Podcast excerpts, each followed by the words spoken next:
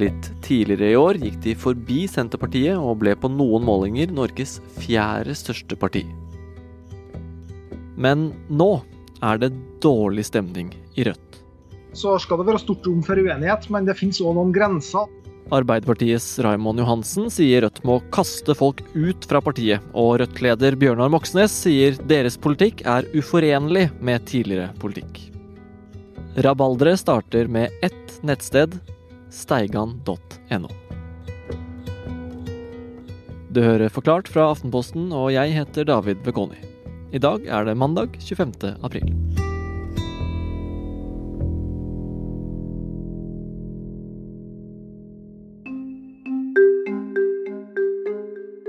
Steigan.no er et eh, nettsted eh, som eh, skriver om dagsaktuelle saker. Andreas Slettholm er kommentator i Aftenposten, og har skrevet om hva han mener er utfordringen med et nettsted som steigan.no. Det er drevet av Pål Steigan, som er tidligere kommunistleder, nå Rødt-medlem. Og også en rekke Rødt-medlemmer er eiere eller har eierandeler i selskapet bak steigan.no. Og akkurat det er også en av grunnene til at det er blitt eh, såpass mye bråk rundt steigan.no nå? Ja, Rødt er jo blitt et mer interessant eh, parti ettersom det er blitt større. Og så har da krigen i Ukraina satt søkelyset på en del av eh, Rødts politikk og Rødts bakland, som har et litt eh, alternativt forhold da, til eh, bl.a. Russland. Og Steigan er et veldig godt eksempel på det, siden denne, dette nettstedet i hvert fall blir anklaget for å spre russisk propaganda og konspirasjonsteorier, så er det klart at det rammer uh, Rødt som parti også. Og mannen som står bak nettstedet, heter Pål Steigan. Mange vet nå at vi er kommet frem til kveldens politiske partikabaret. Og ingen ringer enn Pål Steigan, formann. Velkommen. Takk. AKPML. Riktig. Står for Arbeidernes kommunistparti, marxist-leninistene. Ja vel. Det... Ja, Vi skal ikke ha noe venstrevridd her i kveld, altså? Nei, Vi kan se om vi kan få til litt vidd. Pål Steigan er jo en av eh, disse beryktede 68-erne og en av de aller eh, hardeste kommunistene fra 70-tallet.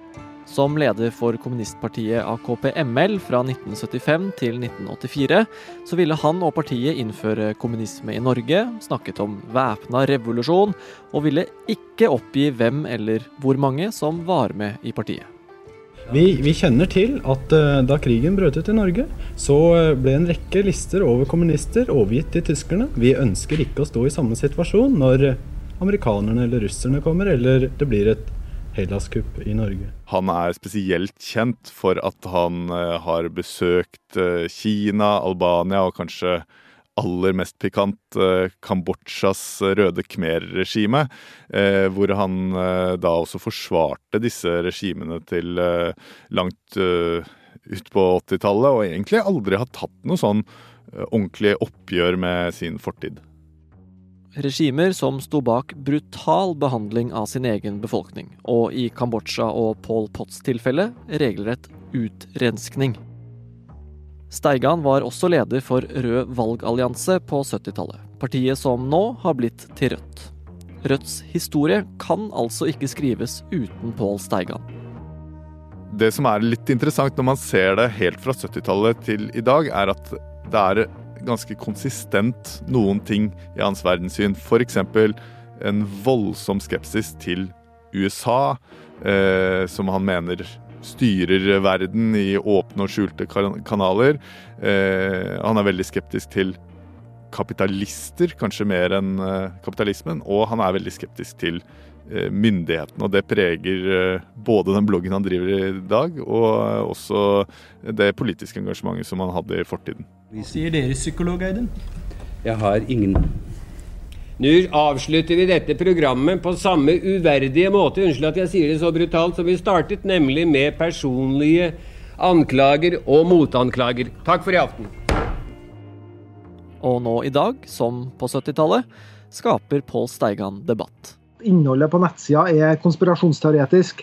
At den nå sprer russisk imperialistpropaganda og generelt ikke en informasjonskanal å anbefale for en radikal bevegelse eller hva for noen som helst andre. Da. Men hvor stor innflytelse har egentlig alternative medier som steigan.no på samfunnet?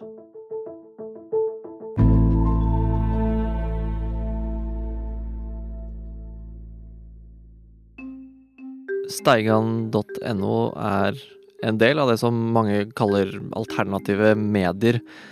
Hva ligger i det, Andreas? Det er et samlenavn på en del nettsteder som formidler perspektiver på nyheter og aktuelle saker, som man i liten grad finner i vanlige medier, da, som eh, NTB eller Aftenposten eller NRK eller eh, VG. Disse gjør sjelden noe sånn selvstendig nyhetsarbeid, men de viderebringer gjerne informasjon som de finner andre steder, fra utenlandske nettsteder eller alternative medier. Eh, og så formidler de gjerne egne analyser og meninger. Og stort sett har de til felles. altså Noen er veldig opptatt av innvandring, f.eks. Noen er veldig opptatt av klimamotstand. Men til felles så har de en sånn stor skepsis til egne myndigheter, vestlige myndigheter, etablerte medier og du kan si institusjonene i de liberale demokratiene i Vesten, egentlig. Og hva slags type saker er det man finner på steigan.no, da, som er et av disse alternative mediene? Ja, altså Særlig under pandemien så har steigan.no fått et oppsving og utmerket seg med å være et slags arnested for vaksinemotstand og konspirasjonsteorier knyttet til korona. Det dreier seg jo litt om sånne klassiske temaer, da, som hvordan CIA og USA styrer verden og styrer informasjon. Det har vært antydninger der om World Economic Forums involvering i pandemien. Mye om hvordan vaksiner egentlig ikke virker, og hva de egentlig skal brukes til, og, og, og, og så videre. Men det er ikke bare konspirasjonsteorier og propaganda på nettsiden? Nei, er, altså du, du, kan jo finne sikkert analyser du, som, som, er mer saklige, da, men det, det det verdensbildet som tegner seg over tid, hvis du eh, skulle slumpe til å bare lese Steigen.no, det er et eh, bilde som eh, jeg tenker at som har til hensikt å rive ned tilliten til myndighetene, og egentlig også til eh, hva, hva, man kan kalle sant og hva man kan kalle ikke sant. Eh, fordi det er, det er veldig mye som blir uklart. Anklagene mot steigan.no går ikke bare ut på spredning av konspirasjonsteorier om f.eks. koronavaksinen. Nettsiden beskyldes også for å spre russisk propaganda og feilinformasjon. Akkurat det kom frem gjennom en undersøkelse gjort av faktisk.no. Der påviste de at steigan.no var den av de alternative mediene som brukte flest kilder som var koblet til russisk propaganda. Og det gjelder jo i noen grad åpne kilder, sånn som f.eks. RT, denne russiske TV-kanalen, som helt åpenbart er et propagandaapparat for Russland, men også nettsteder som, som f.eks. Southfront, som gir seg ut for å være et uh, helt vanlig objektivt uh, nettsted, men hvor man altså kan spore det tilbake til eh, Russland. Men noen av disse koblingene til russisk etterretning f.eks. er jo da gjort av amerikanske myndigheter. Kan vi stole noe mer på amerikansk etterretning enn russisk etterretning?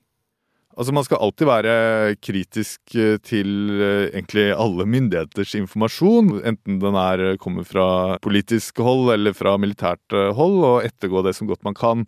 Men så tror jeg man må være klar over da, at dette med desinformasjon og påvirkning i den hensikt å bryte ned tillit til myndighetene i vestlige demokratier, det er en sånn sentral del av russisk informasjonsstrategi, og har vært det eh, siden Sovjetunionen.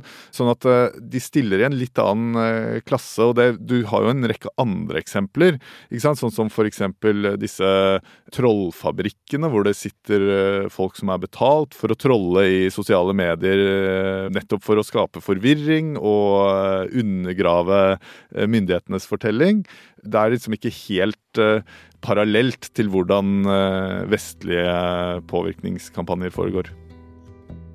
Akkurat hvor mange som leser steigan.no er litt vanskelig å si.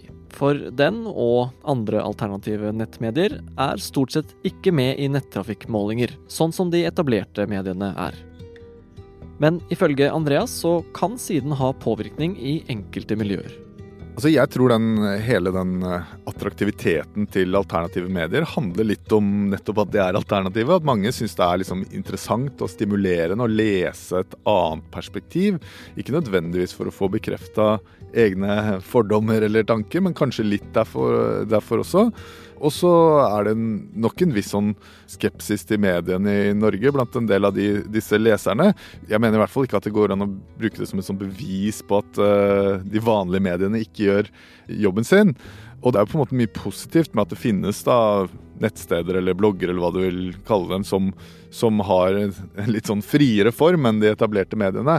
Men så er spørsmålet da om de grunnleggende sett er sannhetssøkende eller ikke, og om de da over tid maler et bilde om en uh, annen virkelighet, ikke sant, som du da, hvis du leser mye steigan.no, til slutt kan bli ganske uh, radikalisert av, fordi du opplever denne undertrykkingen i, i resten av medielandskapet, f.eks., og etter hvert tror på det verdensbildet som uh, Steigan maler.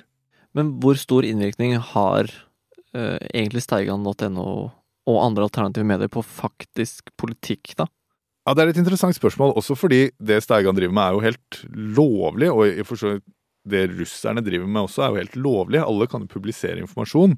Men uh, man skal ikke være naive og tenke at det er en nøytral handling, eller at det ikke har noen effekt i den virkelige verden. Og vi har jo et interessant eksempel som, eh, som den tidligere lederen av Norges fredsråd, Hedda Bryn Langemyr, fortalte om på en eh, podkast nylig.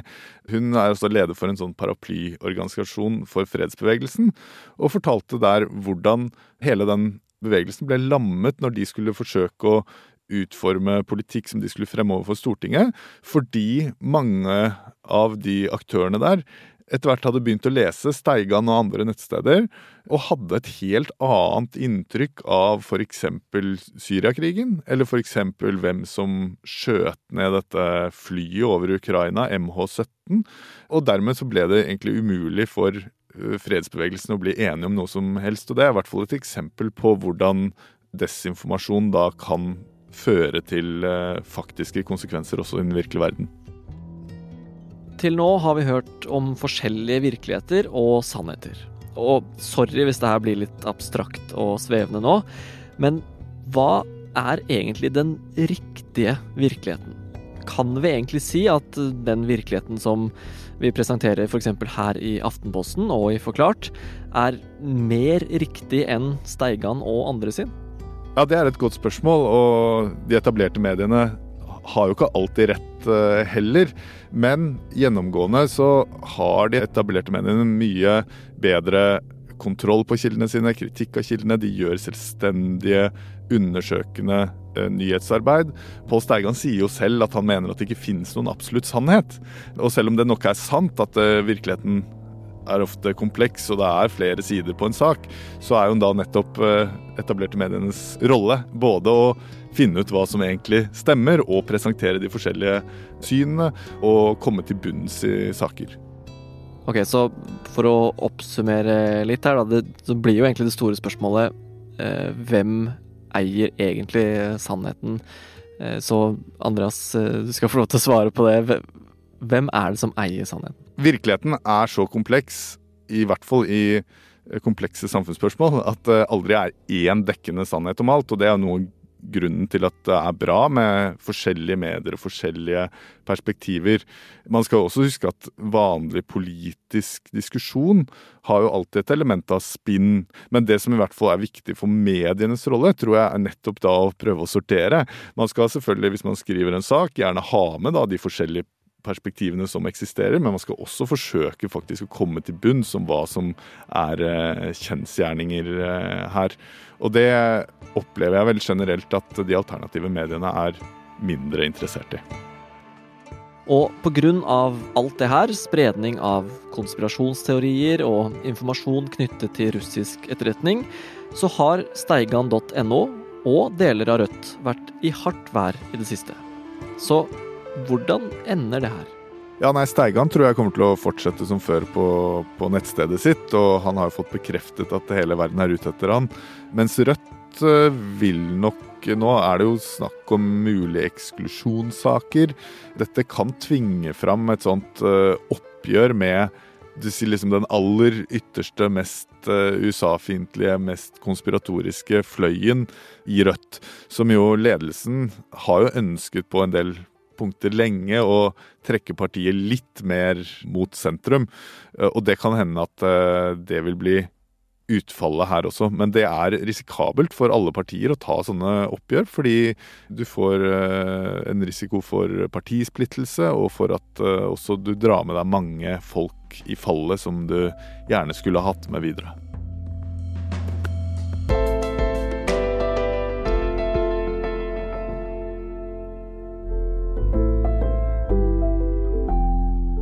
I dagens episode hørte du Andreas Slettholm fortelle om Pål Steigan og steigan.no. Ellers har du hørt lyd fra NRK. Episoden er laget av produsent Fride Næss Nonstad og meg, David Vekoni. Resten av Forklart er Anders Weberg, Synne Søhol, Marte Spurkland og Anne Lindholm.